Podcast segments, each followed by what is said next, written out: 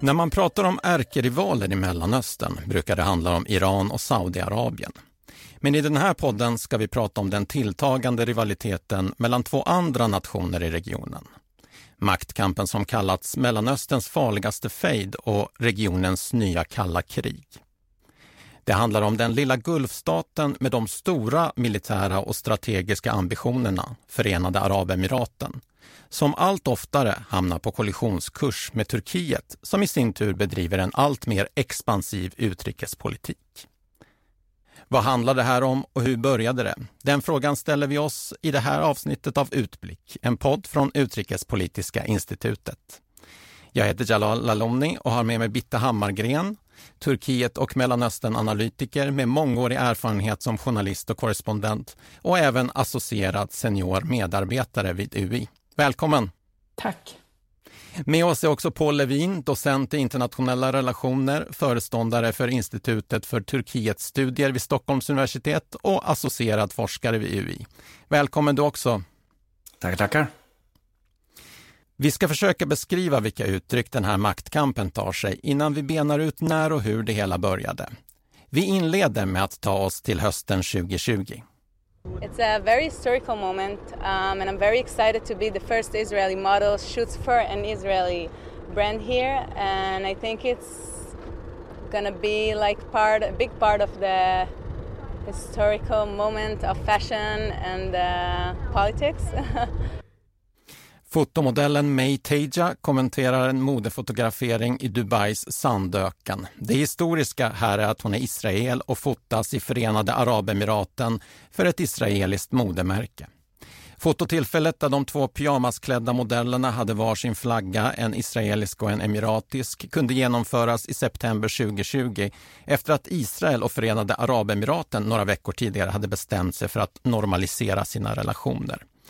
Och det här närmandet väckte starka reaktioner i Turkiet. President Recep Tayyip Erdogan hotade med att frysa landets diplomatiska relationer med Gulfstaten. Och varför reagerade just Turkiet så starkt på Levin? Ja, ehm, för att förstå det måste man först förstå att de två staterna, Turkiet och Förenta Arabemiraterna, befinner sig på varsin sida av en nu mångårig eh, regional maktkamp mellan å ena sidan eh, Turkiet och Qatar och å andra sidan eh, Förenta Arabemiraterna tillsammans med två andra guldstater, Bahrain och Saudiarabien och också Egypten.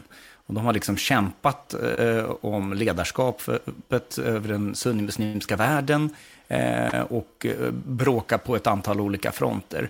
Ehm, och eh, Förenta emiraten har eh, så att säga eh, stöttat Turkiets rivaler runt om i regionen, inklusive i östra Medelhavet till exempel, när man har slutit försvarssamarbeten med Grekland och Cypern.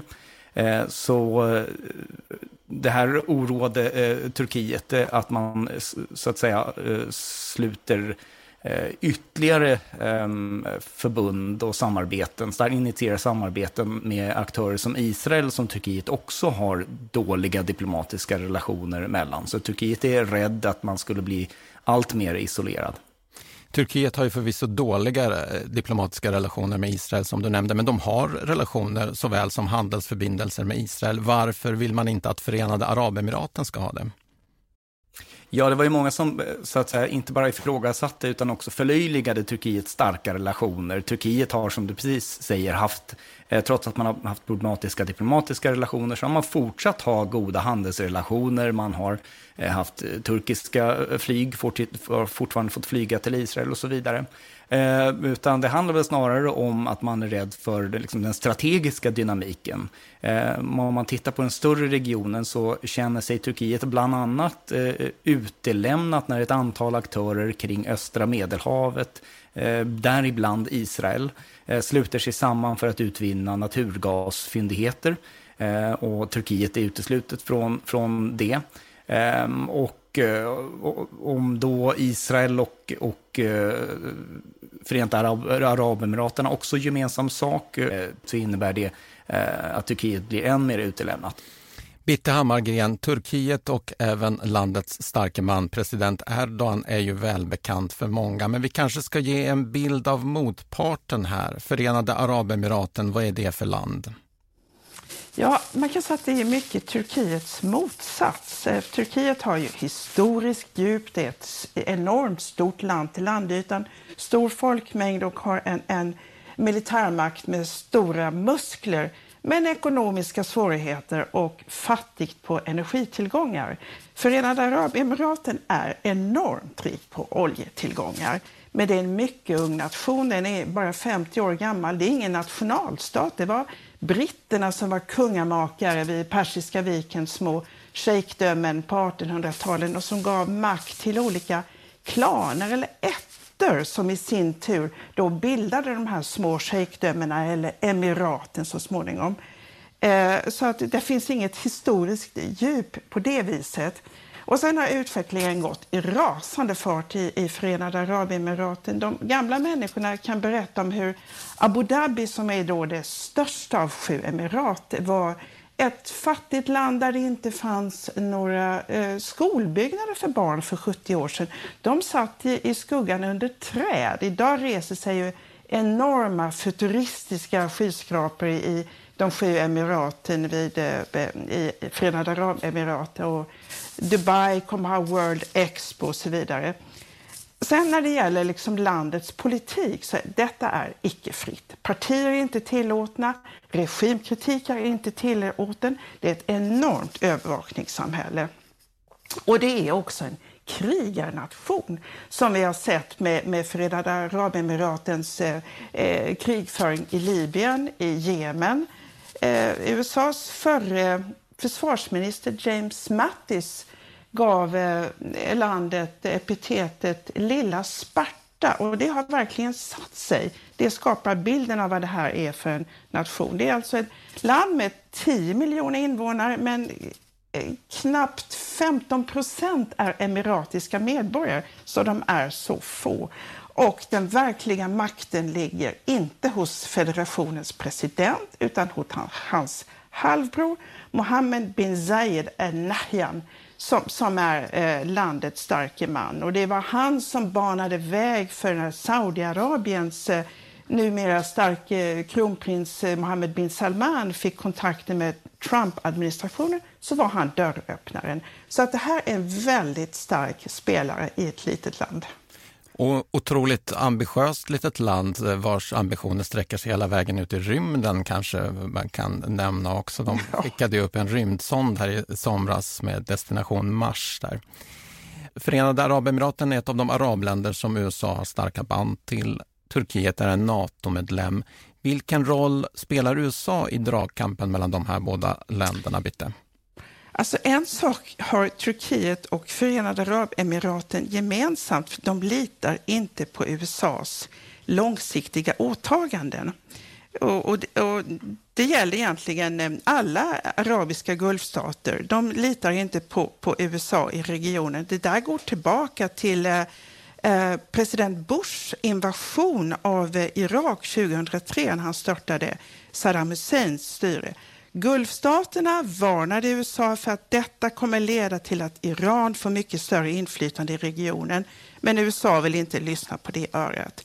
Och efter detta så kom ju då Obama som ju också eh, eh, skapade en misstro mellan Gulfstaterna och eh, USA. För att eh, när det då för tio år sedan eh, blev arabiska folkuppror, och inte minst i Egypten, som skakades, så ställde sig inte Obama helhjärtat på Mubaraks sida. Det där triggade en enorm eh, skrämseleffekt i de arabiska gulfstaterna och Förenade Arabemiraten började pumpa in stöd till den egyptiska militären för att de var ju skakade över att USA inte ställde upp på sina arabiska allierade. Och sen kom ju Syrienkriget när Obama också vacklade så som Gulfstaterna ser det när han sa att här är mina röda linjer om eh, Assad-regimen använder kemiska vapen eh, mot eh, den syriska oppositionen så kommer USA att ingripa. kemvapen användes, men USA och Obama backade. Det var också en sån här spik i kistan när det gäller tilliten till USA. Och sen så kom då det stora Iranavtalet, eh, som eh, eh, kärnenergiavtalet, som ju ytterligare blev en spik i den här kistan när det gäller tilliten. När eh, Obama och Kerry inte tog in Gulfstaterna och Israel i diskussionerna, i förhandlingarna om kärnenergiavtalet.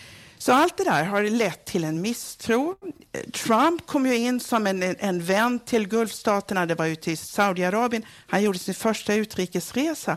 Men när det har liksom ställts hårt mot hårt, när eh, Saudi Aramcos eh, eh, oljeanläggningar eh, slogs ut, eh, åtminstone till hälften, när man attackerat oljetanker vid hamnar i Persiska viken, så har inte USA backat upp med militärmakt. Trump sålde gärna vapen, men han gav dem inte det yttersta skyddet. Så att det finns en misstro, en dissonans, vilket ju också beror på att eh, det finns olika intressen mellan USA och dess allierade, både i Turkiet och i, i, eh, på arabiska halvön.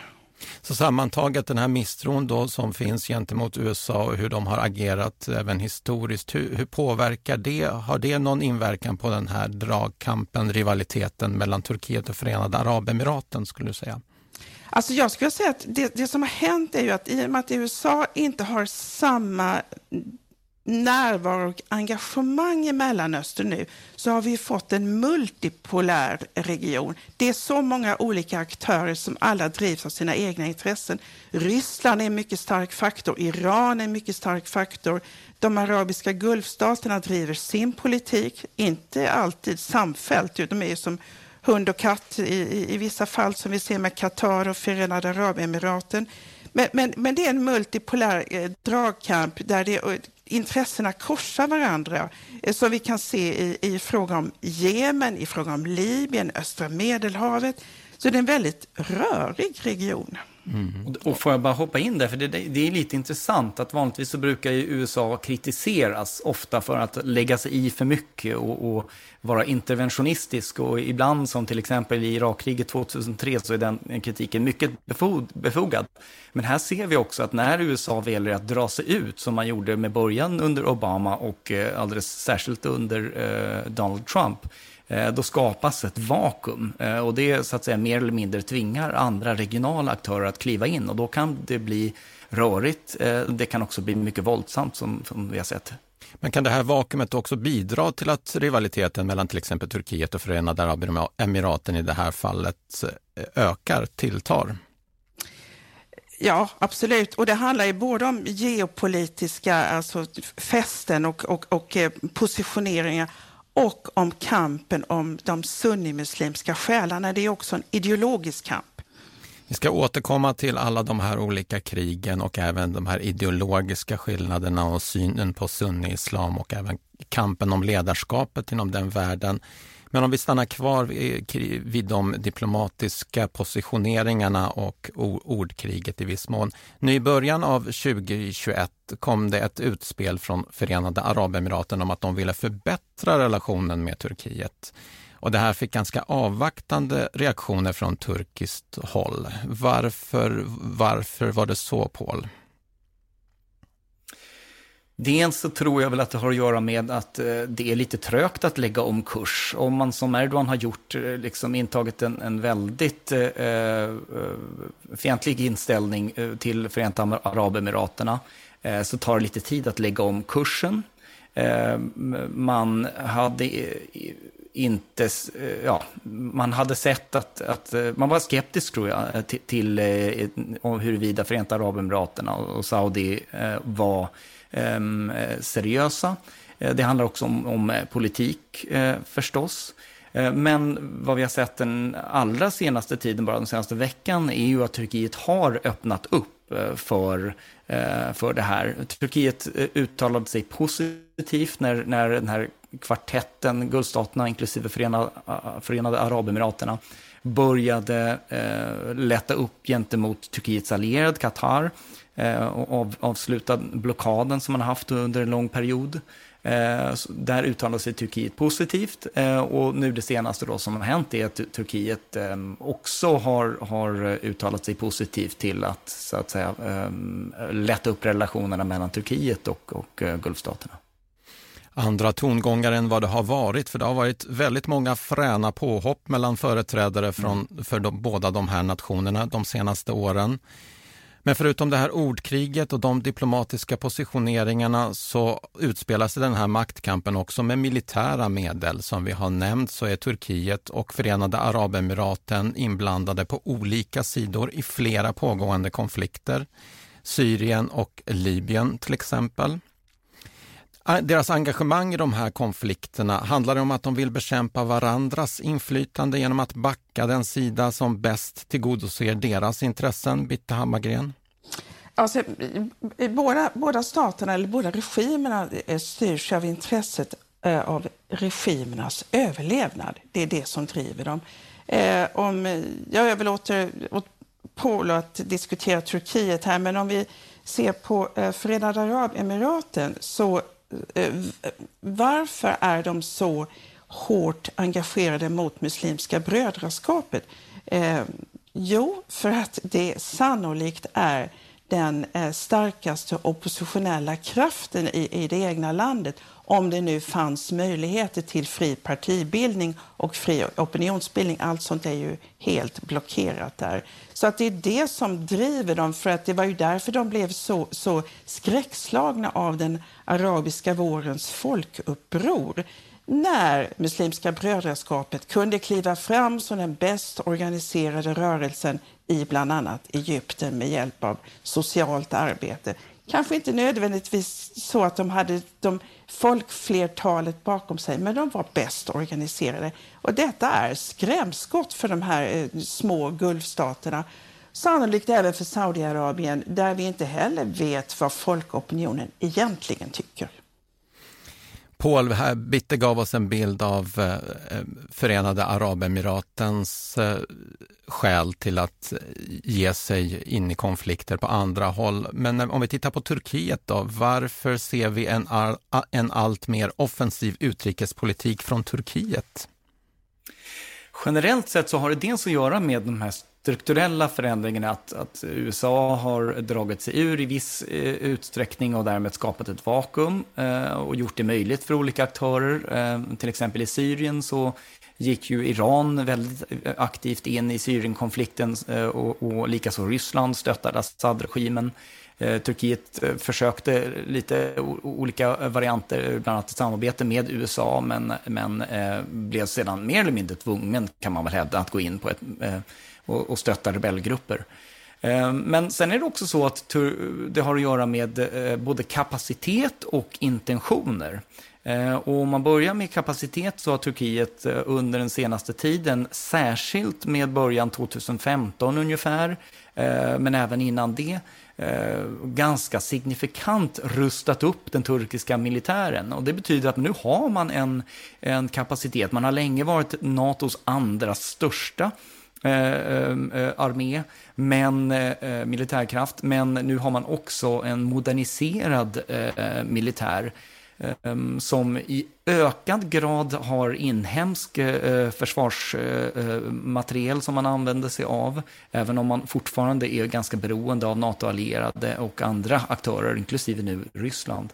Eh, men, men eh, vi har sett till exempel eh, en turkisk drönarkapacitet som har spelat en avgörande roll, delvis i Syrien-konflikten, delvis och ganska påtagligt så i Libyen där, där ehm, drönarna delvis har vänt krigslyckan.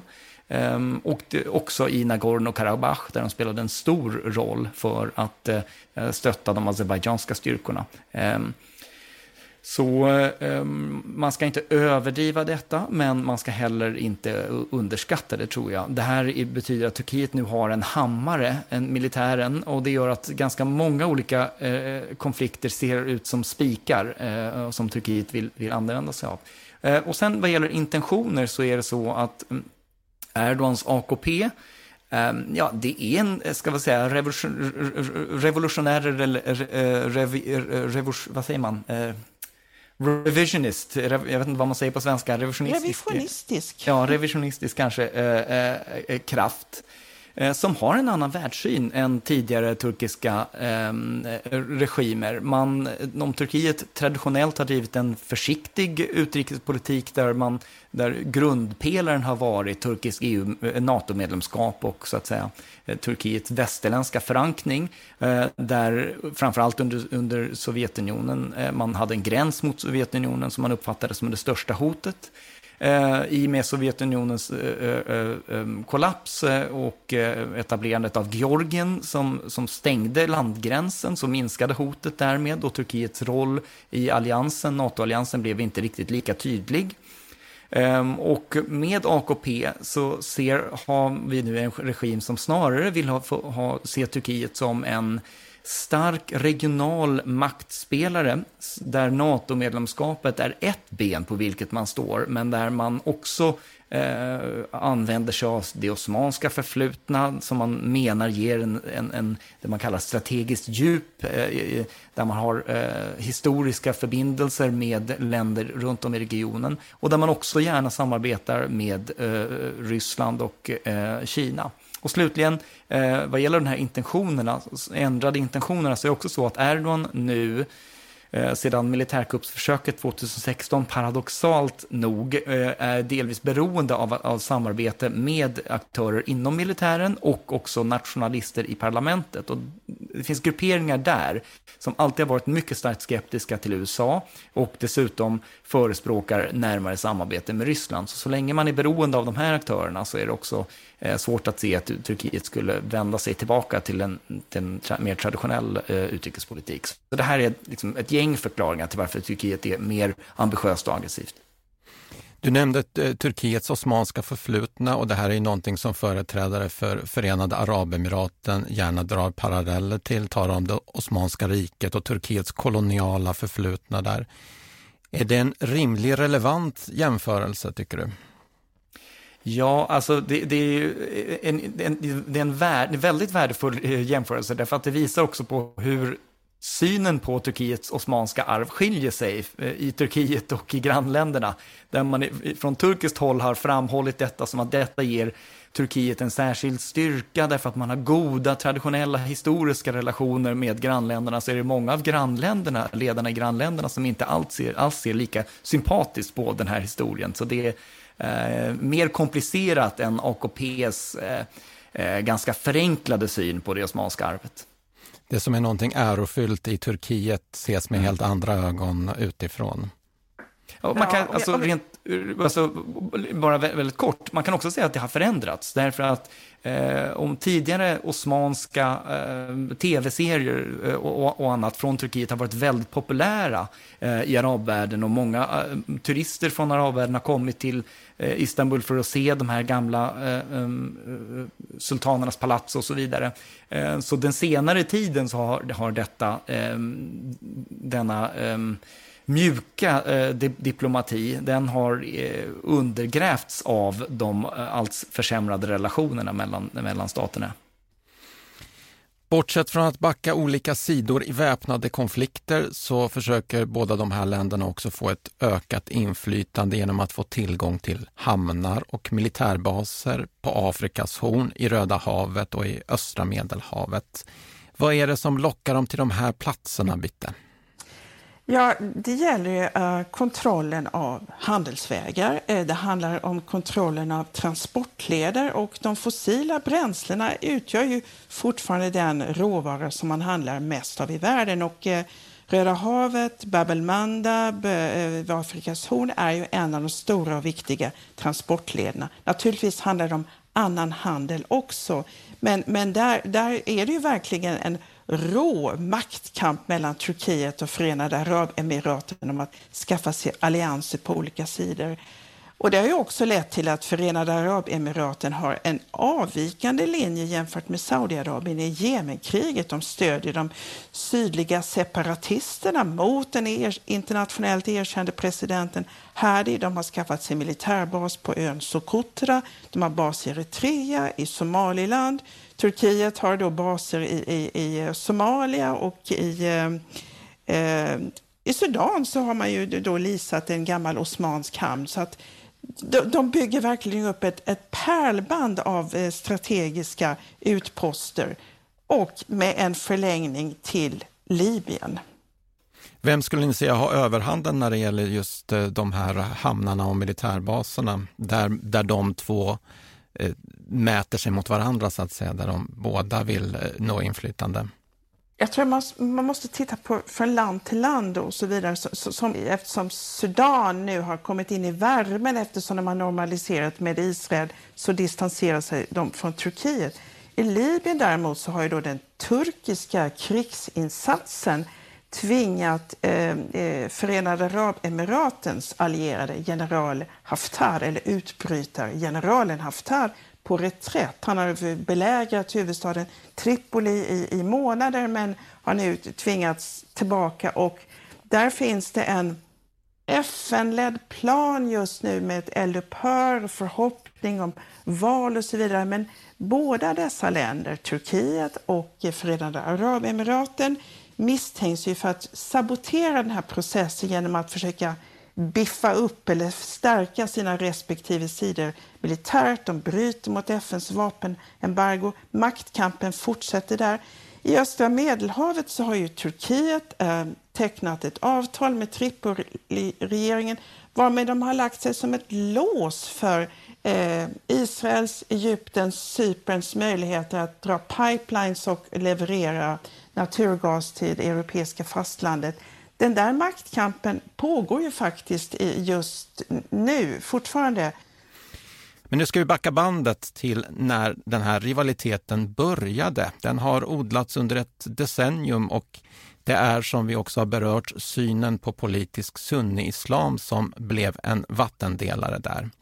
Bitte Hammargren, Turkiet och Mellanöstern analytiker. När, var och hur började den här maktkampen? Ja, vi får backa bandet tio år tillbaka. Arabiska våren. Eh, ben Ali hade fallit i Tunisien och precis nu för tio år sedan så, så, eh, var det ju enorma eh, massdemonstrationer i Kairo. Jag var själv där och så skeendet. Och som vi berörde tidigare så ställde ju inte president Obama helt och fullt upp bakom Mubarak. Tvärtom så, så uttalade han att han tyckte att Mubarak skulle ge plats för ett fredligt eh, eh, maktskifte. Och det här blev ett enormt skrämskott för de arabiska gulfstaterna. Förenade Arabemiraten som sitter på enorma då oljetillgångar började pumpa in stöd till de, eh, den egyptiska militären. Inte minst efter det att Egypten höll sina första och enda hittills enda riktigt demokratiska val 2012 som förde president Morsi från brödraskapet till makten och som gav eh, brödraskapet en sorts överhand i parlamentet. Eh, och, och, och, och, genom att militären i Egypten kontrollerade så mycket av liksom, den djupa staten och infrastrukturen så, så eh, kunde de eh, ganska lätt störta störta eh, Morsis regim 2013 med stöd av eh, Förenade Arabemiraten också som har eh, pumpat in väldigt mycket pengar i eh, Egypten, i Pakistan eh, exempelvis för att eh, understödja eh, eh regimer där. Och när det gäller då den här konflikten så ställde sig Turkiet på andra sidan organisationen Muslimska brödraskapet valde man att eh, ställa sig bakom, eller hur Paul? Det stämmer och eh, man kan titta på hur eh, Erdogans parti AKP grundades och, och dess så att säga stöd i befolkningen. Den, den politisk islam i Turkiet har, har, under en lång tid, var under en lång tid eh, förbjuden. Man, man fick inte ha religiösa, eh, religiöst motiverade partier.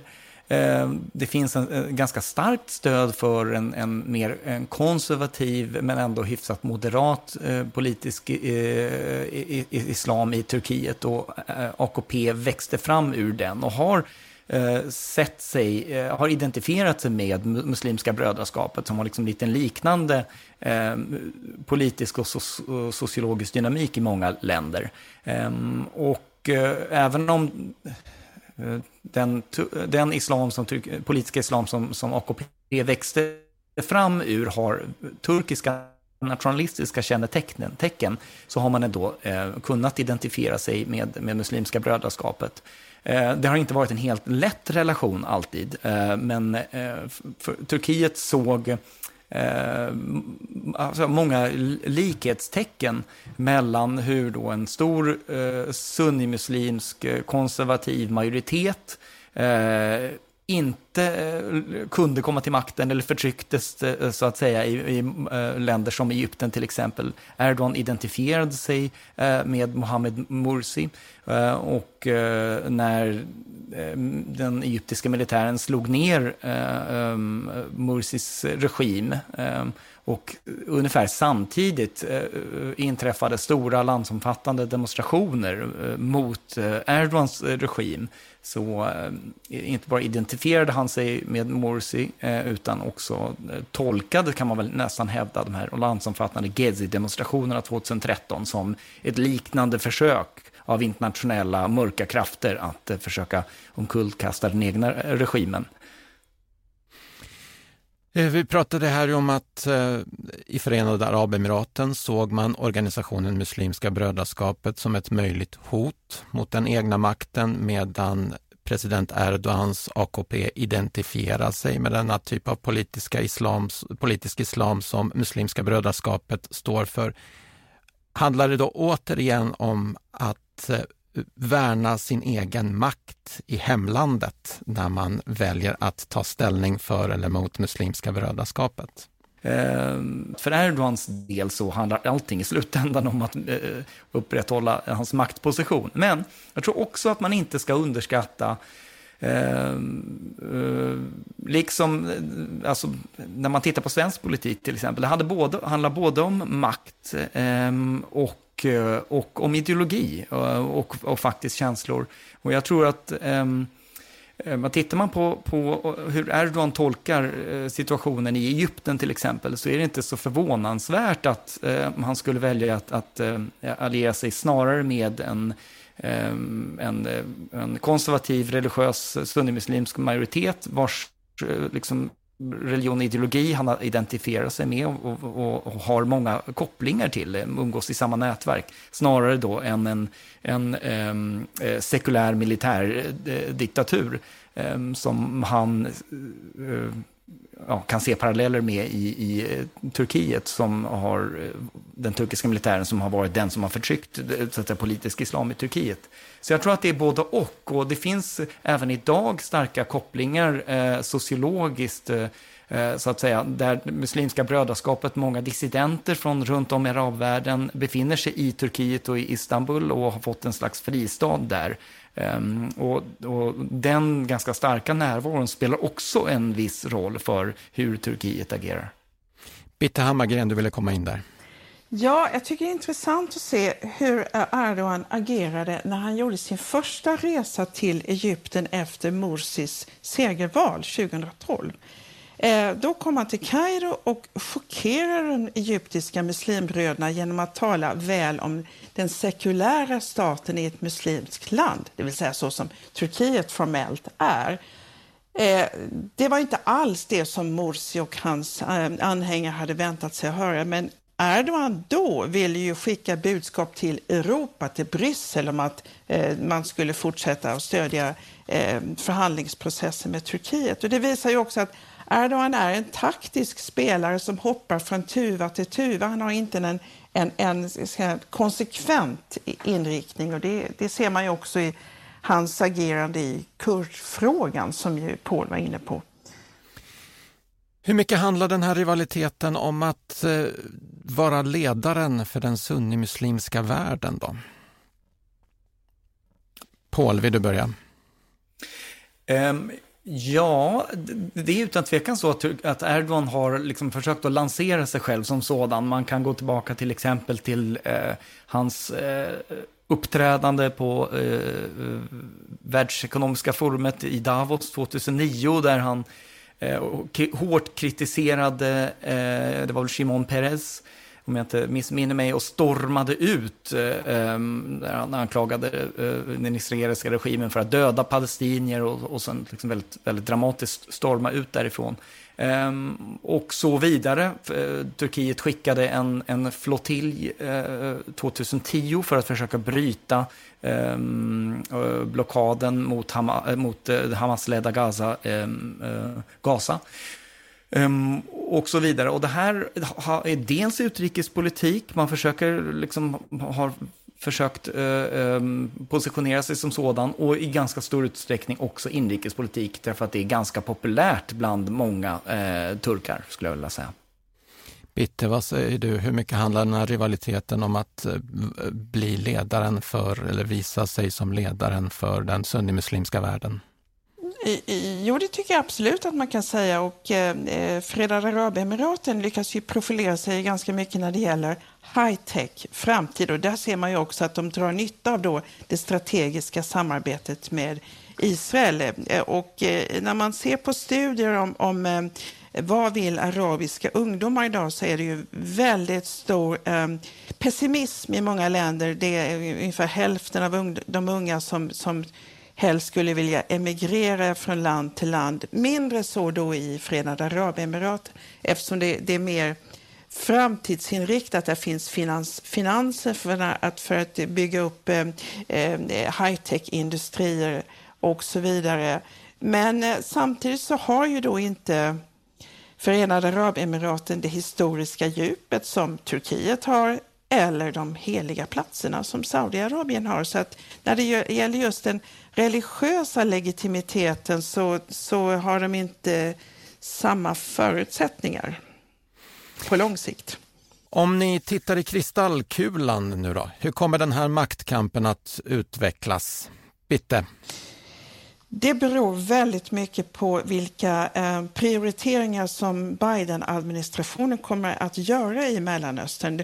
Man har ju sagt väldigt tydligt att man omfamnar det man kallar för Abraham Accords, det vill säga arabstaters normalisering med Israel. Men samtidigt så hör vi då en tydlig kritik ifrån Washington när det gäller Jemenkriget som vi var inne på tidigare och nu har eh, också Biden-administrationen bestämt att frysa leveranserna av det amerikanska F35-planet som ju eh, Förenade Arabemiraten tecknade kontrakt på att köpa. Det är signaler om att man är missnöjd med en del av den politik som eh, Eh, bedrivs från Förenade Arabemiraten. Och de har ju också ställt sig på samma sida som Ryssland i Libyenkriget. Det är också tecken på att det finns dissonans på vissa punkter. Och sen har vi då eh, den nu hävda blockaden av Qatar som ju eh, Saudiarabien tog initiativ till. Det handlar ju i hög grad om att eh, Saudiarabiens kronprins Mohammed bin Salman måste blidka eh, Biden-administrationen eftersom Biden har pekat på Saudiarabien som en pariastat tidigare. Min bild är att eh, Förenade Arabemiraten är mindre, eh, ska jag säga, nöjt med hävandet av blockaden där ju Qatar inte behövde göra några stora eftergifter. De har inte stängt den turkiska basen. De har inte stängt Al Jazeera. Även om Al Jazeera säkert kommer vara mindre kritisk mot olika arabiska regimer nu. Eh, sen tycker jag också att det är värt att nämna att Förenade Arabemiraten har aldrig brutit sina relationer med Iran fastän man kritiserade Qatars relationer med Iran. Tvärtom har detta land varit någon sorts hubb för iranska eh, affärsintressen också. Eh, de har säkerhetsdelegationer som har fortsatt resa till Teheran. Så de driver ju sina egna intressen och det måste de ju också eftersom, som vi talade om tidigare, ingen kan i längden lita på USAs intentioner. Alla stater drivs ju av sina egna nationella intressen. Jag ska bara nämna också att Qatar är alltså en annan liten gulfstat som har varit utfrusen av Saudiarabien och Förenade Arabemiraten på grund av sina relationer med Turkiet, Iran, att de har backat organisationen Muslimska brödraskapet och så det bakgrunden till blockaden som nu eh, ser ut att hävas. Paul, vad ser du om du blickar framåt? Alltså det finns inte så mycket mer att säga, för Bitte sammanfattar allt alldeles utmärkt. Men möjligtvis så kan man säga att vi redan ser framtiden eh, potentiellt.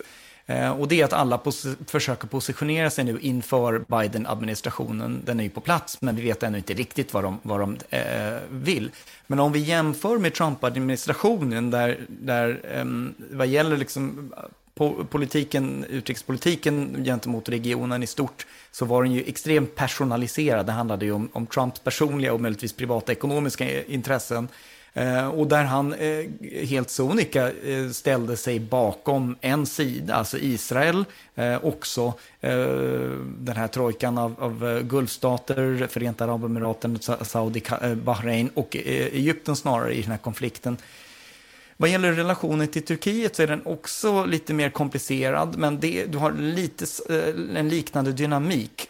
Där har eh, stora delar av det, det amerikanska etablissemanget vänt sig mot Turkiet. Där det funnits tidigare många inom utrikesdepartementet till exempel, vissa delar av den amerikanska militären, eh, Eh, som menat att det är väldigt viktigt att fortsätt, fortsatt engagera Turkiet, därför att om vi straffar Turkiet för diverse aktioner så kommer vi att driva dem i, i armarna på Ryssland till exempel. Ehm, där egentligen Turkiet haft en vän de senaste åren och det har varit Trump. Eh, Erdogan haft en särdeles god personlig relation med Trump där han kunnat ringa upp honom på diverse olika tider eh, och eh, på olika sätt skickligt lyckats driva fram så att säga eftergifter egentligen. Så man har skyddat Turkiet från till exempel sanktioner genom den här relationen. Den relationen försvinner nu och det betyder att jag tror att vi kommer att få se en tuffare ändå amerikansk linje gentemot Turkiet. Och jag tror att när jag började med svaret, det här långa svaret på din fråga, eh, genom att säga att vi, vi, ser, vi ser framtiden kanske redan nu, då är det väl det här. Eh, att när, när de andra Gulfstaterna eh, häver blockaden med Qatar som är Turkiets allierade, när man nu från Förenta Arabemiraten vänder retoriken och börjar tala om att samarbeta med Turkiet, när Turkiet efter initial skepsis verkar nu eh, plocka upp den inviten så tror jag att kanske ser vi eh, början på försök att, att eh, lugna ner den här rivaliteten. Men är det så att eh, en tuffare linje från USA gentemot både Turkiet och Förenade Arabemiraten kan göra att de två närmar sig varandra? Är det så jag ska förstå ditt svar?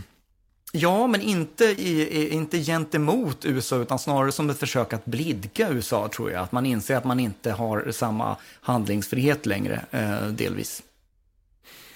Där får vi dra ett streck för det här avsnittet av Utblick, en podd från Utrikespolitiska institutet. För att hitta fler av våra poddar så kan man antingen söka på Utblick där poddar finns eller gå in på ui.se utblick. Vi som har hörts i dagens avsnitt är Bitte Hammargren, Turkiet och Mellanöstern-analytiker, Paul Levin, föreståndare för Institutet för Turkietstudier vid Stockholms universitet och jag som heter Jalal Laloni säger tack och på återhörande.